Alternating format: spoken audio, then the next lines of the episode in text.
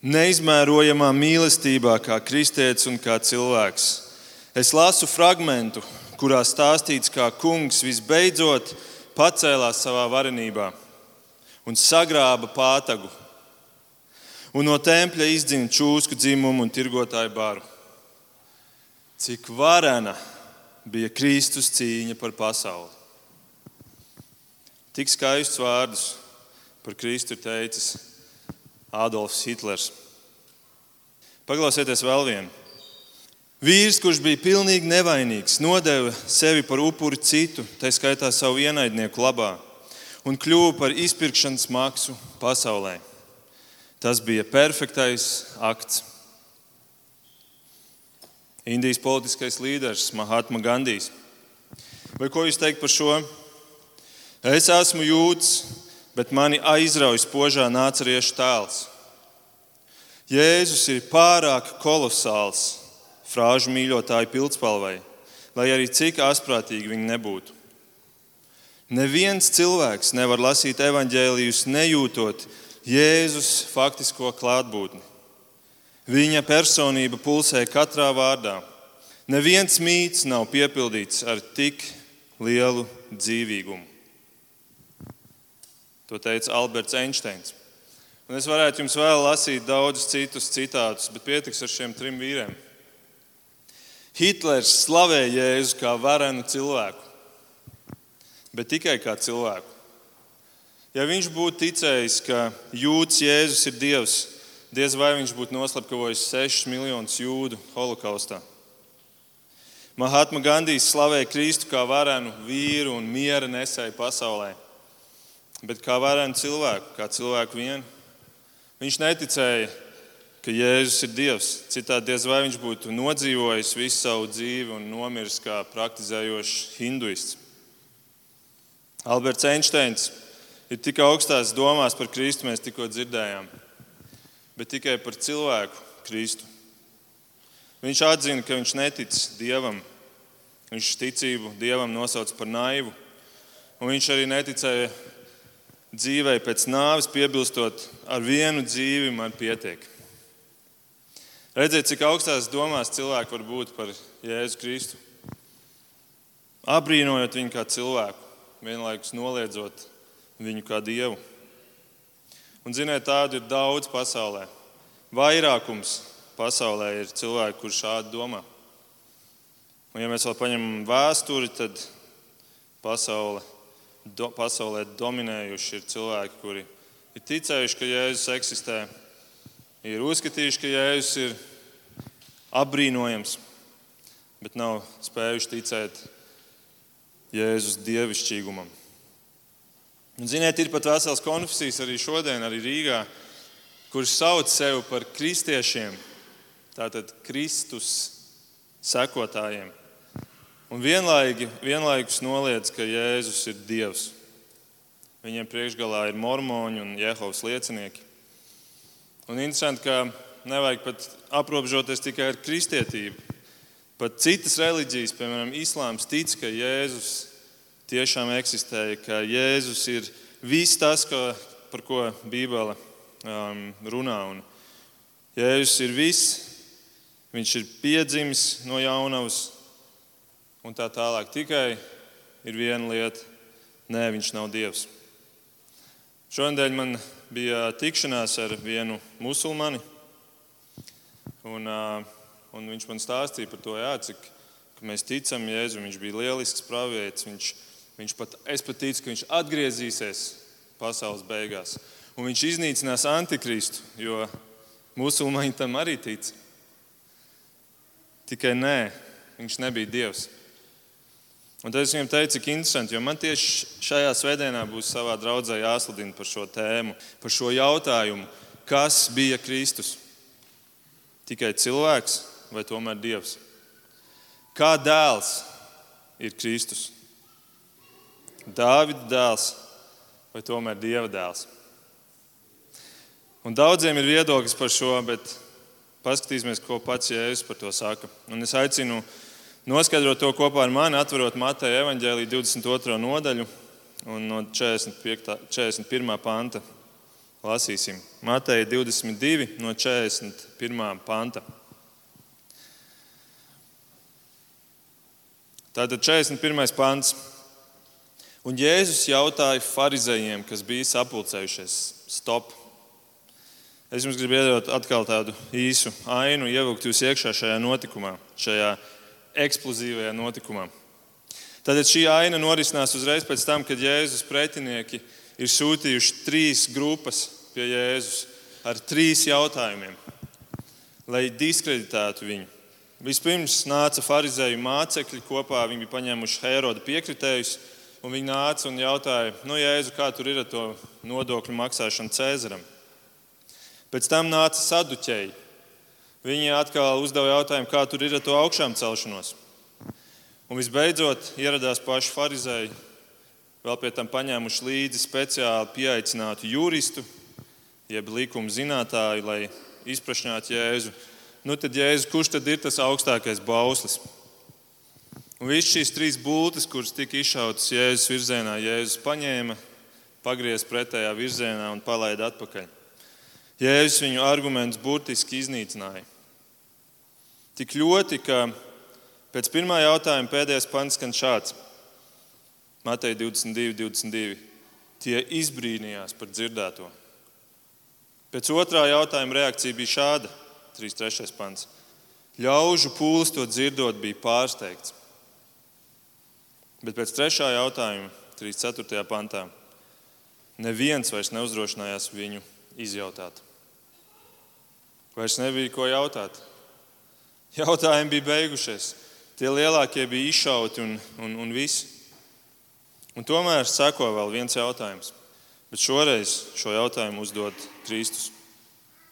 Un šajā jautājumā vīles viņam vienkārši plīst pušu no dievišķās gudrības, kas, kurām, kur ir šim, šim jautājumam lemts noturēt sevi.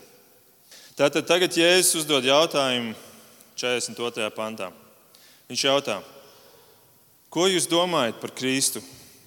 Kā dēls viņš ir? Ko jūs domājat par Kristu? Kā dēls viņš ir? Un tad, kad mēs šeit, Latvieši, 21. gadsimtā dzirdam vārdu Kristu, mēs, mums uzreiz ir skaidra bilde, tas ir Jēzus. Kristus, nu, tas ir Jēzus, bet patiesībā Kristus nozīmēja gaidāmo mesiju. Kristus bija varētu teikt, jaunās derības apzīmējums vecās derības vārdam Mēsija. Tātad Jēzus principā jautā, ko jūs domājat par gaidāmo Mēsiju? Kā dēls viņš ir? Un tie viņam, protams, atbildēja uzreiz: Dāvida dēls. Dāvida. Kā dēls ir Kristus? Dāvida.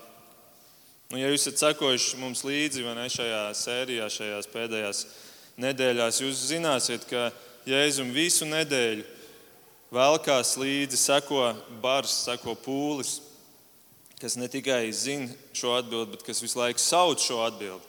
Tad, kad Jēzus ienāca Jeruzalemē uz ezelīšu, visa tauta saka, Oziāna, Dāvida dēlam. Un tad, kad Jēzus iztīra templi, bērni sauc Oziāna, Dāvida dēlam. Līdz ar to saprotiet, cik, cik uh, provokatīvs ir šis jautājums šajā brīdī. Visi apkārt sauc Dāvida dēlam uz Jāna, virzot šos komplimentus Jēzum. Un tad Jēzus pajautā, bet Mēsija, kā dēls viņš ir? Un viņi saka, Dāvida dēls. Līdz ar to Pharizēji šeit pasaka, ka tas, kuru tauta un bērni sauc par Dāvida dēlu, ir Mēsija. Un viņi visi tevi, Jēzus, sauc par Mēsiju. Viņi visu tevi sauc par Dāvida dēlu. Un tad, kad viņi bija pateikuši šo atbildi, šie farizēji, es domāju, viņiem pašiem griezās ausīs tas, ko viņi tikko bija pateikuši. Bet ko gan citu viņi varēja teikt? Jo šī atbilde bija pašsaprotama. Visi tauta to zināja, visi bērni par to zināja. Un tāpēc viņi neko citu nevarēja atbildēt. Jēzus bija ielicis viņus tādā situācijā, kur viņiem nebija kur izprukt, cik dievišķa gudrība. Un es ticu, ka Dievs arī šādus jautājumus liek mums katram mūsu dzīvēm. Todien viņiem šis jautājums bija, kā dēls ir Jēzus, kā dēls ir Mēsija. Bet arī mums ejot cauri savai dzīvē, mums Dievs, es ticu, liek šādus jautājumus mūsu dzīvē, kur mēs dziļi iekšēnē zinām to atbildi. Mēs zinām, kāda ir atbilde uz šiem jautājumiem, bet mūsu miesa un mūsu prāts un mūsu cilvēciskā iegriba stājas pretī, jo mēs arī zinām, ka šī atbilde būs sāpīga. Un tomēr tu esi spiests atbildēt, un tu esi spiests pateikt, jo sirdsapziņa tev to liek darīt. Kaut tā būtu ar mums. Pharizējiem šī sirdsapziņa bija šis pūlis apkārt. Šis pūlis tās piedās virsū šai situācijai, ka viņi nevarēja neko citu pateikt kā vien, jā, Mēsija ir Dāvida dēls. Kristus ir Dāvida dēls. Pēc būtības ar šo arī varēja beigties šis notikums. Jo secinājums jūs varat katrs, kas tur esat tajā stāstā, klāt izdarīt. Un tomēr šis stāsts šeit nebeidzas. Jo tajā jau mirdz nākamais dievišķās gudrības stars. Jo klausieties, šī farizēja atbilde nav nepareiza, bet tā arī nav pareiza. Šī farizēja atbilde nav nepareiza, un tomēr tā arī nav pareiza. Tas ir kā paradoks, jo Dāvida dēls nav nepareiza atbilde, un tomēr tā arī nav pareizā atbilde. Jo tā ir tikai viena daļa no Kristus būtības. Tā apraksta tikai Kristus cilvēcisko pusi. Un šai pusē Hitlers, un Gandijs un Einsteins teiktu, jā, mēs piekrītam par visiem simt procentiem. Jēzus tiešām bija varens cilvēks. Un iespējams viņi pat no Jēzus paņēma kādus sastāvdaļas, nošpikoja un paņēma sev savai cīņai, kādu, nu, kuram katram viņa bija. Jēzus bija varens cilvēks, un Jēzus varbūt pat bija mesija, lai iet. Un sirds iesilst, ka tu dzirdi, ka kāds kaut ko labu pasakā par Jēzu. Pat Hitlers, bet kaut ko labu par Jēzu. Sirds iesilst, kad slaveni cilvēki izsaka komplimentus Jēzum. Sirds iesilst, kad Jēzum piešķir zelta medaļu kā labākajam cilvēkam varbūt šajā pasaulē. Bet ja kāds šai šai iesilušajai sirdī iesprāstu acis, acis, kuras redz mūžību, tad šī sirds sažņauktos. Jo tā ieraudzītu, ka šī atbilde neaizved līdz galamērķim. Izrādās, šī, nav, šī atbilde nav pat pilnā patiesība. Dāvida dēls nav pilnā patiesība. Mēsija tikai cilvēks, nē, tā nav pilnā patiesība. To var salīdzināt ar, ar braucienu uz kādu galamērķi, kur tev vajag nonākt. Mēs nesen ar sievu bijām Itālijā, un mums pēdējā dienā bija jānokļūst no, no tās vietas, kur mēs bijām, līdz Milānai, Milānas lidostai, lai pēc tam lidotu uz Rīgu. Bet, lai tiktu līdz šai Milānas lidostai, mums bija jābrauc ar diviem vilcieniem. Pirmais aizved līdz Milānas centram, un otrais pēc tam veda tālāk prom no centra uz lidostu. Un pieņemsim, ja nebūtu interneta laikmets, un es kādam būtu vietējiem jautājis, kā es varu tikt līdz lidostai. Un šis cilvēks man būtu pateicis tikai pirmo, nosaucis tikai pirmo vilcienu. Viņš jau nebūtu melojis, vai ne? Jo pirmais vilciens tik tiešām brauc pareizajā virzienā. Tas aizved tuvāk gala mērķim, un tomēr tas neaizved līdz, līdz gala mērķim. Tas aizved varbūt uz rajonu, rajonu, kurā es varbūt pat varu sastapt Hitlerus, un Gandijus un Einsteinus. Bet, ja es vēlos tikt līdz galamērķim, līdz lidostai, lai paceltos augstāk, ir vajadzīga arī otrā daļa. Ir vajadzīgs otrais vilciens. Un šo otro vilcienu Jēzus sūta nākamajā pantā, 43. pants. Izlasiet kopā ar mani. Viņš tiem jautāja, Tātad viņi bija atbildējuši Dāvida dēls. Tad viņš tiem jautāja, kā tad Dāvids viņu garā sauc par kungu? Sacīdams, kungs sacīja manam kungam, sēdies pie manas labās rokas, līdz es tavs ienaidnieks noliek tev par kājsoli. Ja Dāvids sauc viņu par kungu, kā tad viņš var būt tā dēls?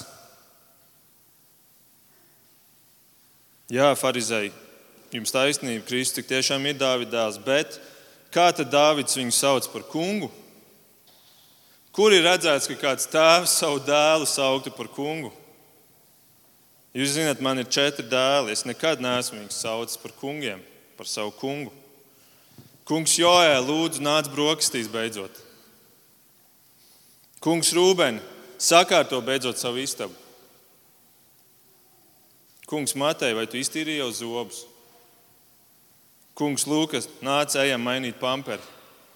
Nē, savus četrus dēlus nekad neesmu saucis par, par kungiem. Tas būtu tik nedabiski, viņi ir mani dēli. Un pat ja viņi būtu Latvijas prezidents, es viņu nesauktu par savu kungu, jo es esmu viņa tēvs. Bet lūk, kaut kas dīvains. Dāvids šeit savu dēlu tik tiešām sauc par kungu. Un atkal mēs varam teikt, kāda dievišķa gudrība. Kāda dievišķa gudrība, tāpēc, ka šī ir viena no tām daudzajām pērlēm, kuras ir aprakts dievvvārdu dziļumos. Jo Jēzus šeit citē rakstu mācītājiem, farizējiem, tik labi pazīstamo 110. psalmu, kuru Rūfs mums nolasīja ievadā. Šis ir viņiem viens no top diviem psalmiem. Šis ir mesijāniskais 110. psalms, Un šo psalmu zināja lieli un mazi, un mācīt un nemācīt. Un, iespējams, farizēji to zināja no galvas. Tāpēc viņi arī uzreiz izšāva ārā, jā, Mēsija būs Dāvida dēls. Bet vai kāds bija pamanījis šo detaļu? Vai kāds bija pamanījis, ka Dāvids Mēsiju savu dēlu šeit sauc par kungu? Vārds kungs šeit ir lietots tieši tāpat kā tika lietots dieva titulam. Jēzus lieto Kīrijos un ebreju valodā 110. psalmā tas vārds ir Adonai. Un Adonai principā vienmēr tiek lietots kopā, kad tu sauc šo kungu par dievu. Piemēram, 35. psalmā cēlies, jēl mosties, spried man tiesu, mans dievs un mans kungs, Adonai. Ved manu prāvu, Lem man pēc savas taisnības, kungs, Adonai, mans dievs. Un šo pašu Adonai šeit, šis ir lietots šajā Dāvida psalmā. Vai viņi to nebija pamanījuši? Jo, ziniet, rakstu mācītājiem, farizēm un vispār jūdi uzskatīja, ka Mēsija būs tikai cilvēks. Un šo faktu mums, kā kristiešiem, šis fakts mums ir jāzina, lai mēs saprastu vispār, kas te notiek šajā visā komunikācijā starp farizējiem un Jēzu. Tas ir tas galvenais, tā ir tā galvenā problēma, kāpēc viņi nevarēja pieņemt Jēzu. Jo Mēsija taču būs tikai cilvēks. Jā, varens cilvēks, militārs karavadons, gudrs politisks līderis, izcils garīgs vadītājs un tomēr tikai un vienīgi cilvēks. Viņi domāja tieši tāpat kā mūsu jau pieminētie Hitleri, Gandiju un Einsteinu un miljoniem cilvēku šodien. Arī jūdu tauta tā uzskatīja. Atcerieties, kad Jēzus jautā saviem mācekļiem, draugi, ko cilvēki saka par mani? Kas es, kas es esmu? Ko cilvēki saka par to, kas es esmu? Un tad tur atskan varianti. Jānis Kristītājs, cits saka Elija, cits saka viens no praviešiem, Jānis Kristītājs, Elija, pravieši, tie visi ir pravieši, tie visi ir cilvēki. Un kurš saka, ka viņš ir Dievs? Neviens izņemot 12 mācekļus. 12 mācekļi bija vienīgie cilvēki Izrēlā šajā brīdī, kuri nezinu, cik vēl šajā brīdī, bet kuri vismaz jau sāka ticēt, ka Jēzus ir Dieva dēls. Kā Mēsija būs Dievs. Vai tiešām to neviens nebija ievērojis šajā Dāvida 110. psalmā? Kā tas ir iespējams? Pie tam šie vārdi ir tik, tik īpaši ievērojami, ja tu vēl iedziļinies. Jo, ziniet, um, Dāvids šeit saka, kungs sacīja manam kungam. Ebreju valodā ir rakstīts, Jahve sacīja manam Adonai. Dievs Tēvs sacīja manam Dievam. Wow, šeit ir saruna starp Dievu. Patiesībā Dāvids tikai piefiksējis, ir, ka Dievs runā ar Dievu. Dievs teica manam dievam, manam kungam. Te ir divas trīsvienības personas.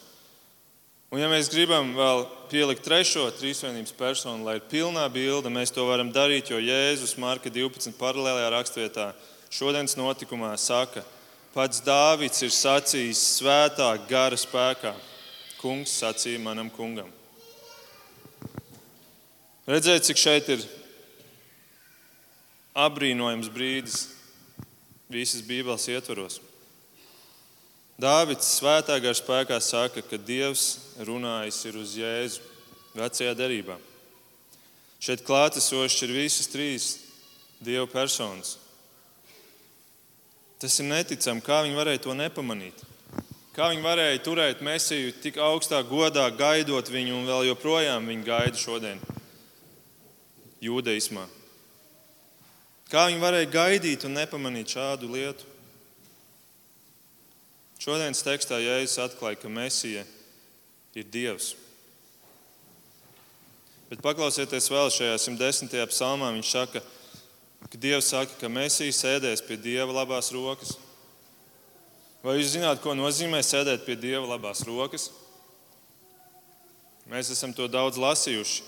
Viņš tur sēž pie Dieva labās rokas vai grib sēdēt pie Dieva labās rokas. Bet, bet kas tā ir Dieva labās rokas? Tā ir, tas ir kaut kas, es nezinu, es nevarēju atrast īstu vārdu tam. Es, es ierakstīju vārdu crazy. Tas ir vienkārši tas ir kaut kas neaptverams, tas ir pārdabiska vieta, tas ir cilvēkam neaizsniedzami. Tas ir īpašākais krēsls pasaulē, ja tā var teikt. Atcerieties, Jēkabs un Jānis mācekļi nāca pie Jēzus un teica, Dod mums, ka mēs varētu sēdēt tavā godībā, viens pie tavas labās rokas, un otrs pie tavas kreisās rokas. Un ziniet, ko Jēzus viņam atbildēja? Jūs vispār nesaprotat, ko jūs lūdzat. Jūs nesaprotat, ko jūs lūdzat. Jo sēdēt pie Dieva labās rokas ir rezervēts tikai un vienīgi kam? Mēsijam. Un paklausieties, ko saka Romiešiem 8.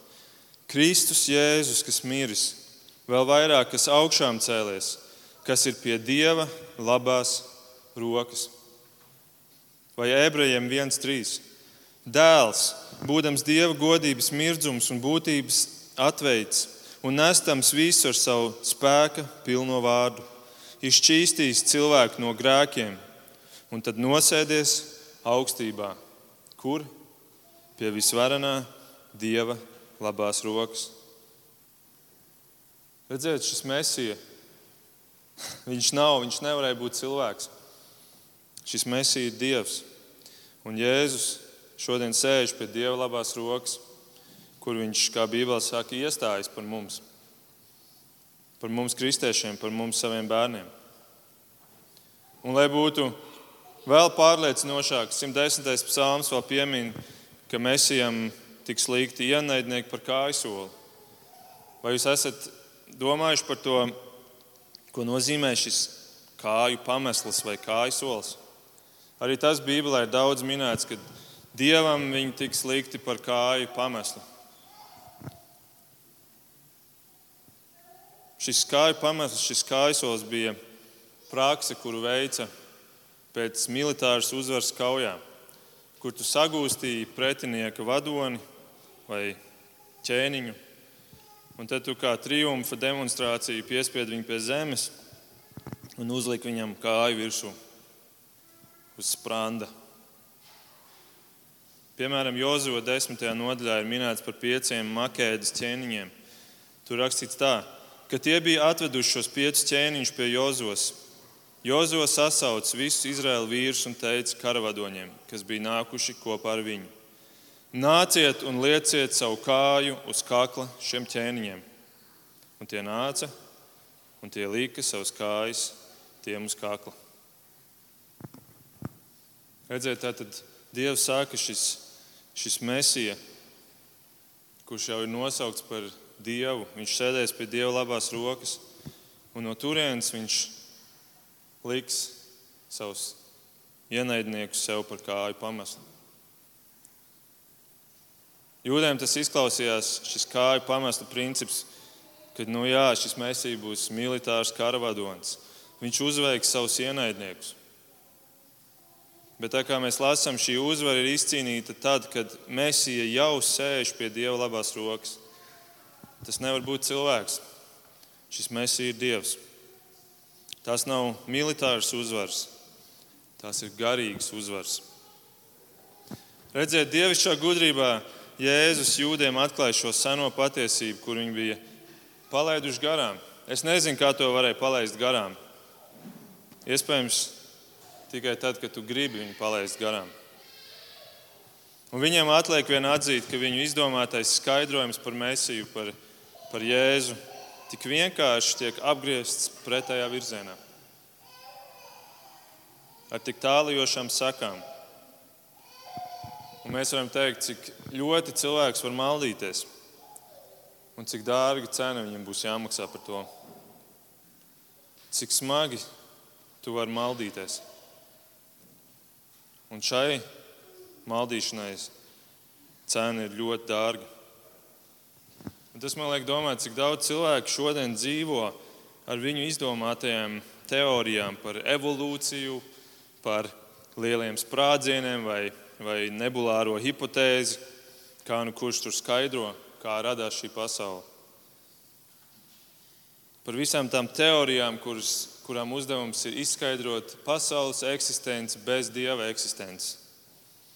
Un cik viņiem būs līdzīga situācija kā šeit, ka tev tik vienkārši Kristus parādīs.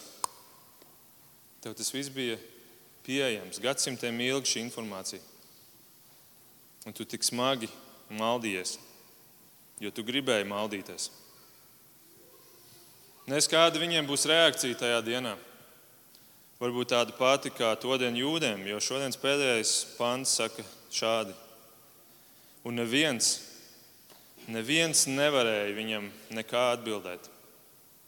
Nedz arī uzdrīkstējās kopš šīs dienas viņam vairs kaut ko jautāt. Klusums. Klusums to dienu. Un, un ziniet, šodien tik daudziem cilvēkiem, kuri šodien, šodien kas šodien ir par datumu, 13. oktobris, šodien tik daudz cilvēku nomirs. Tik daudziem cilvēkiem Dievu priekšā stājoties būs šāds klusums. Angliski to sauc par moment of truth. Kad tu apzinājies, kas bija patiesība paies klusums. Šajā pēdējā pantā ir rakstīts, ka neviens nevarēja nekā atbildēt. Trīs vārdiņi nē. Pārliecinošāk vairs nevar. Redziet, pēc šiem trim jautājumiem, no arī ceturtais jautājums aiziet Jēzus kontā. 4-0 Jēzus labā. Un šāds rezultāts būs katram, kurš tiesas dienā stāsies Dievu priekšā un centīsies aizbildināties ar saviem attaisnojumiem. Centīsies varbūt pielīst ar saviem komplimentiem. Mēs lasām daudz, teiks, kungs, kungs, bet mēs taču tik daudz labas lietas darījām tavā vārdā, tevis dēļ. Un tomēr beig beigās viņu dzīve būs apliecinājusi, ka viņiem Kristus nebija Dievs. Viņiem Kristus bija vienkārši cilvēks kuram varbūt sekot. Šiem cilvēkiem tobrīd vilciens jau būs aizbraucis. Arī tas otrais vilciens, tas izšķirošais vilciens. Hitleram vilciens jau ir aizbraucis. Jēzus 4, Hitlers 0. Gandijam vilciens ir aizbraucis. Jēzus 4, Gandijs 0. Einsteinam vilciens ir aizbraucis, Jēzus 4, Einsteins 0. Cik mēs varam spriest? Bet, ja tu dzirdi manas vārdus šodien, tad tu zini, ka tavs vilciens vēl stāv stacijā. Tu vēl vari paspēt. Nevis tu vēl vari paspēt, bet tev ir jāpaspēj. Un man vienalga, cik tu sevi ilgi jau sauc par kristieti, vai cik augstās tu domās esi par izcilo cilvēku Jēzu Kristu. Man vienalga, cik ilgi tu esi sēdējis pirmajā vilcienā. Tev ir jāatrod šis otrais vilciens. Tev ir jāiekāpj šajā otrajā vilcienā. un tu nezini, cikos tas attiecas vai cik laika tev vēl ir dots. Tāpēc kā piekšā arī šodien. Ja tu dzīvo ar grēku un tu nevari tikt no tā vaļā, tad varbūt Kristus tev ir cilvēks tikai. Varbūt tu māni sevi. Kā piekšā tajā otrajā vilcienā? Pieņem Kristu kā Dievu. Pieņemt Kristu kā Dievu nozīmē, ka tu nokāp nost no tā dzīves troņa, kurā tu sēdi. Nožēlo grēkus un nes atgriešanās augļus. Bet zinu vienu, ka atzīt Dievu, šis, šis, šis, šī frāze atzīt Dievu, tas nav, tas nenotiek tāpat vien. Tas nav tāds, nu labi, es tagad pieņemšu lēmumu atzīt Dievu. Atzīt Dievu tas ir kaut kas neticams, tas ir, tas ir kaut kas, tas nav pašsaprotams. Tik daudz cilvēku šajā pasaulē skatās un neredz. Negrib redzēt. Tad, ja tu esi atzīmis Dievu, tad tas ir brīnums. Tas ir kaut kas tik liels, ka tu vari būt drošs, ka tas atstās iespēju uz tavu dzīvi. Tas nevar neatstāt. Kā man atzīt Dievu, tas ir kaut kas pārdabisks.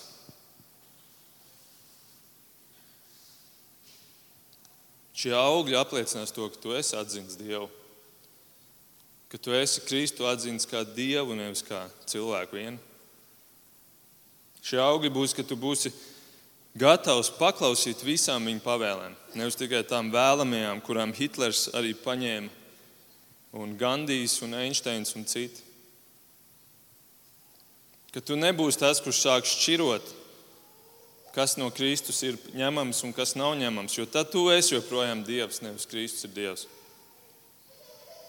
Un augļi būs, ka tev veidosies pretīgums pret to grēku, kas Kristum maksāja viņa dzīvību un asins. Ja tu dzīvo ar grēku, no kura tu nevari tikt vaļā jau gadiem ilgi, tev ir vajadzīgs Kristus kā Dievs. Tev ir vajadzīgs šis pretīgums pret grēku. Un vēl šie augļi ir, ka tavas acis ierauga viņa varenību, viņa spožumu, viņa, viņa godu, un tu gribi savā dzīvē nest viņam godu. Tas ir tavs augstākais dzīves mērķis. Tās ir tik lielas prāta un sirds izmaiņas, ka tās nevar palikt apslēptas. Bet, ja tomēr šīs izmaiņas slēpjas, jau gadiem ilgi slēpjas, tad varbūt Kristus tomēr tev ir tikai cilvēks. Kā dēls viņš ir? Tikai Dāvida dēls vai tomēr Dieva dēls? Un es vēlos noslēgt ar diviem citātiem. Pirmais citāts ir no šobrīd iespējams visslavenākā psihologa Jordana Petersona. Viņš ir vīrs, kurš daudz iestājās par kristētību, un tomēr viņš joprojām nevar atzīt, ka Kristus ir Dievs. Bet tomēr viņam ir kāda ļoti skaista doma, kuras vēlos nolasīt. Paklausieties, viņš saka, kuram gan varētu būt tāda pārdrošība, lai teiktu, ka viņš tic Dievam? Ja viņi sev pārbaudītu, kā viņi dzīvo, vai viņi atļautos tā teikt, būt tik pārdrošam, lai šādi pateikt, nozīmē, ka tu dzīvo, izdzīvo šo ticību pilnīgā veidā. Un tas kaut kādā mērā ir neizpildāms uzdevums. Un tādēļ es nekad neesmu jūties pārliecināts, lai teiktu jebko citu, kā vien, ka es cenšos dzīvot tā, it kā Dievs eksistētu. Jo tikai Dievs viens zina, kāds tu būtu, ja tu pa īstam ticētu. Tā ir kristietības centrālā doma. Ja tu būtu spējīgs ticēt Dievam, tas būtu dzīvi pārveidojošs notikums. Patiesi dzīvi pārveidojošs notikums. Redziet, pat pasaulīgam cilvēkam šķiet, tas šķiet acīm redzami ja tu tici Dievam, ja tu tici, ka Dievs eksistē, ja tu tici, ka Kristus ir Dievs, tad tam ir jābūt dzīvi pārveidojošām sekām. Tas ir kaut kas tik pārdabisks. Otrs citāts ir no apstuļa Pāvila. Galtiešiem 4.9. Bet tagad, kad jūs esat atzinuši Dievu, tagad, kad jūs esat atzinuši Dievu, un tad Pāvils pieliek, klāt, pareizāk gan, kad Dievs ir jūs atzins. Wow! Tagad, kad jūs esat atzinuši Dievu, pareizāk gan, kad Dievs jūs ir atzins. Kā tad jūs atkal pievēršaties nespēcīgajiem un nabadzīgajiem pirmspēkiem un no jauna gribat ļautiem sevi paverdzināt? Lūk, ja šādas pārdabiskas izmaiņas notikušas tavā dzīvē, kad Dievs tevi ir atzīts, kāpēc tu atkal pievērsies šīm, šīm nespēcīgajām, nabadzīgajām lietām, šiem, šiem mikroskopiskiem puteklīšiem, par kuriem tu strīdies ar saviem līdzcilvēkiem. Atzīt Dievu tas ir kaut kas tik varants, kaut kas tik liels. Un tāpēc, lai tas ir atgādinājums mums katram šodien pajautāt sev, kā dēls viņš ir. Kā dēls viņš ir? Ja viņš nav tikai Dāvida dēls, ja viņš nav tikai cilvēka dēls, bet ja viņš ir Dievs, tad dzīvosim tā, kā pienākas dzīvot tādam, kurš pazīst pašu Dievu. Lūksim viņu. Lielais varenais Dievs, Kungs, mīļais Tēvs, mīļais Jēzus, Svētais Gars. Paldies par Tavu vārdu. Paldies, Kungs, ka Tavs vārds ir, ir kā tāds lauks, kurā ir tik daudz dārguma apslēpta.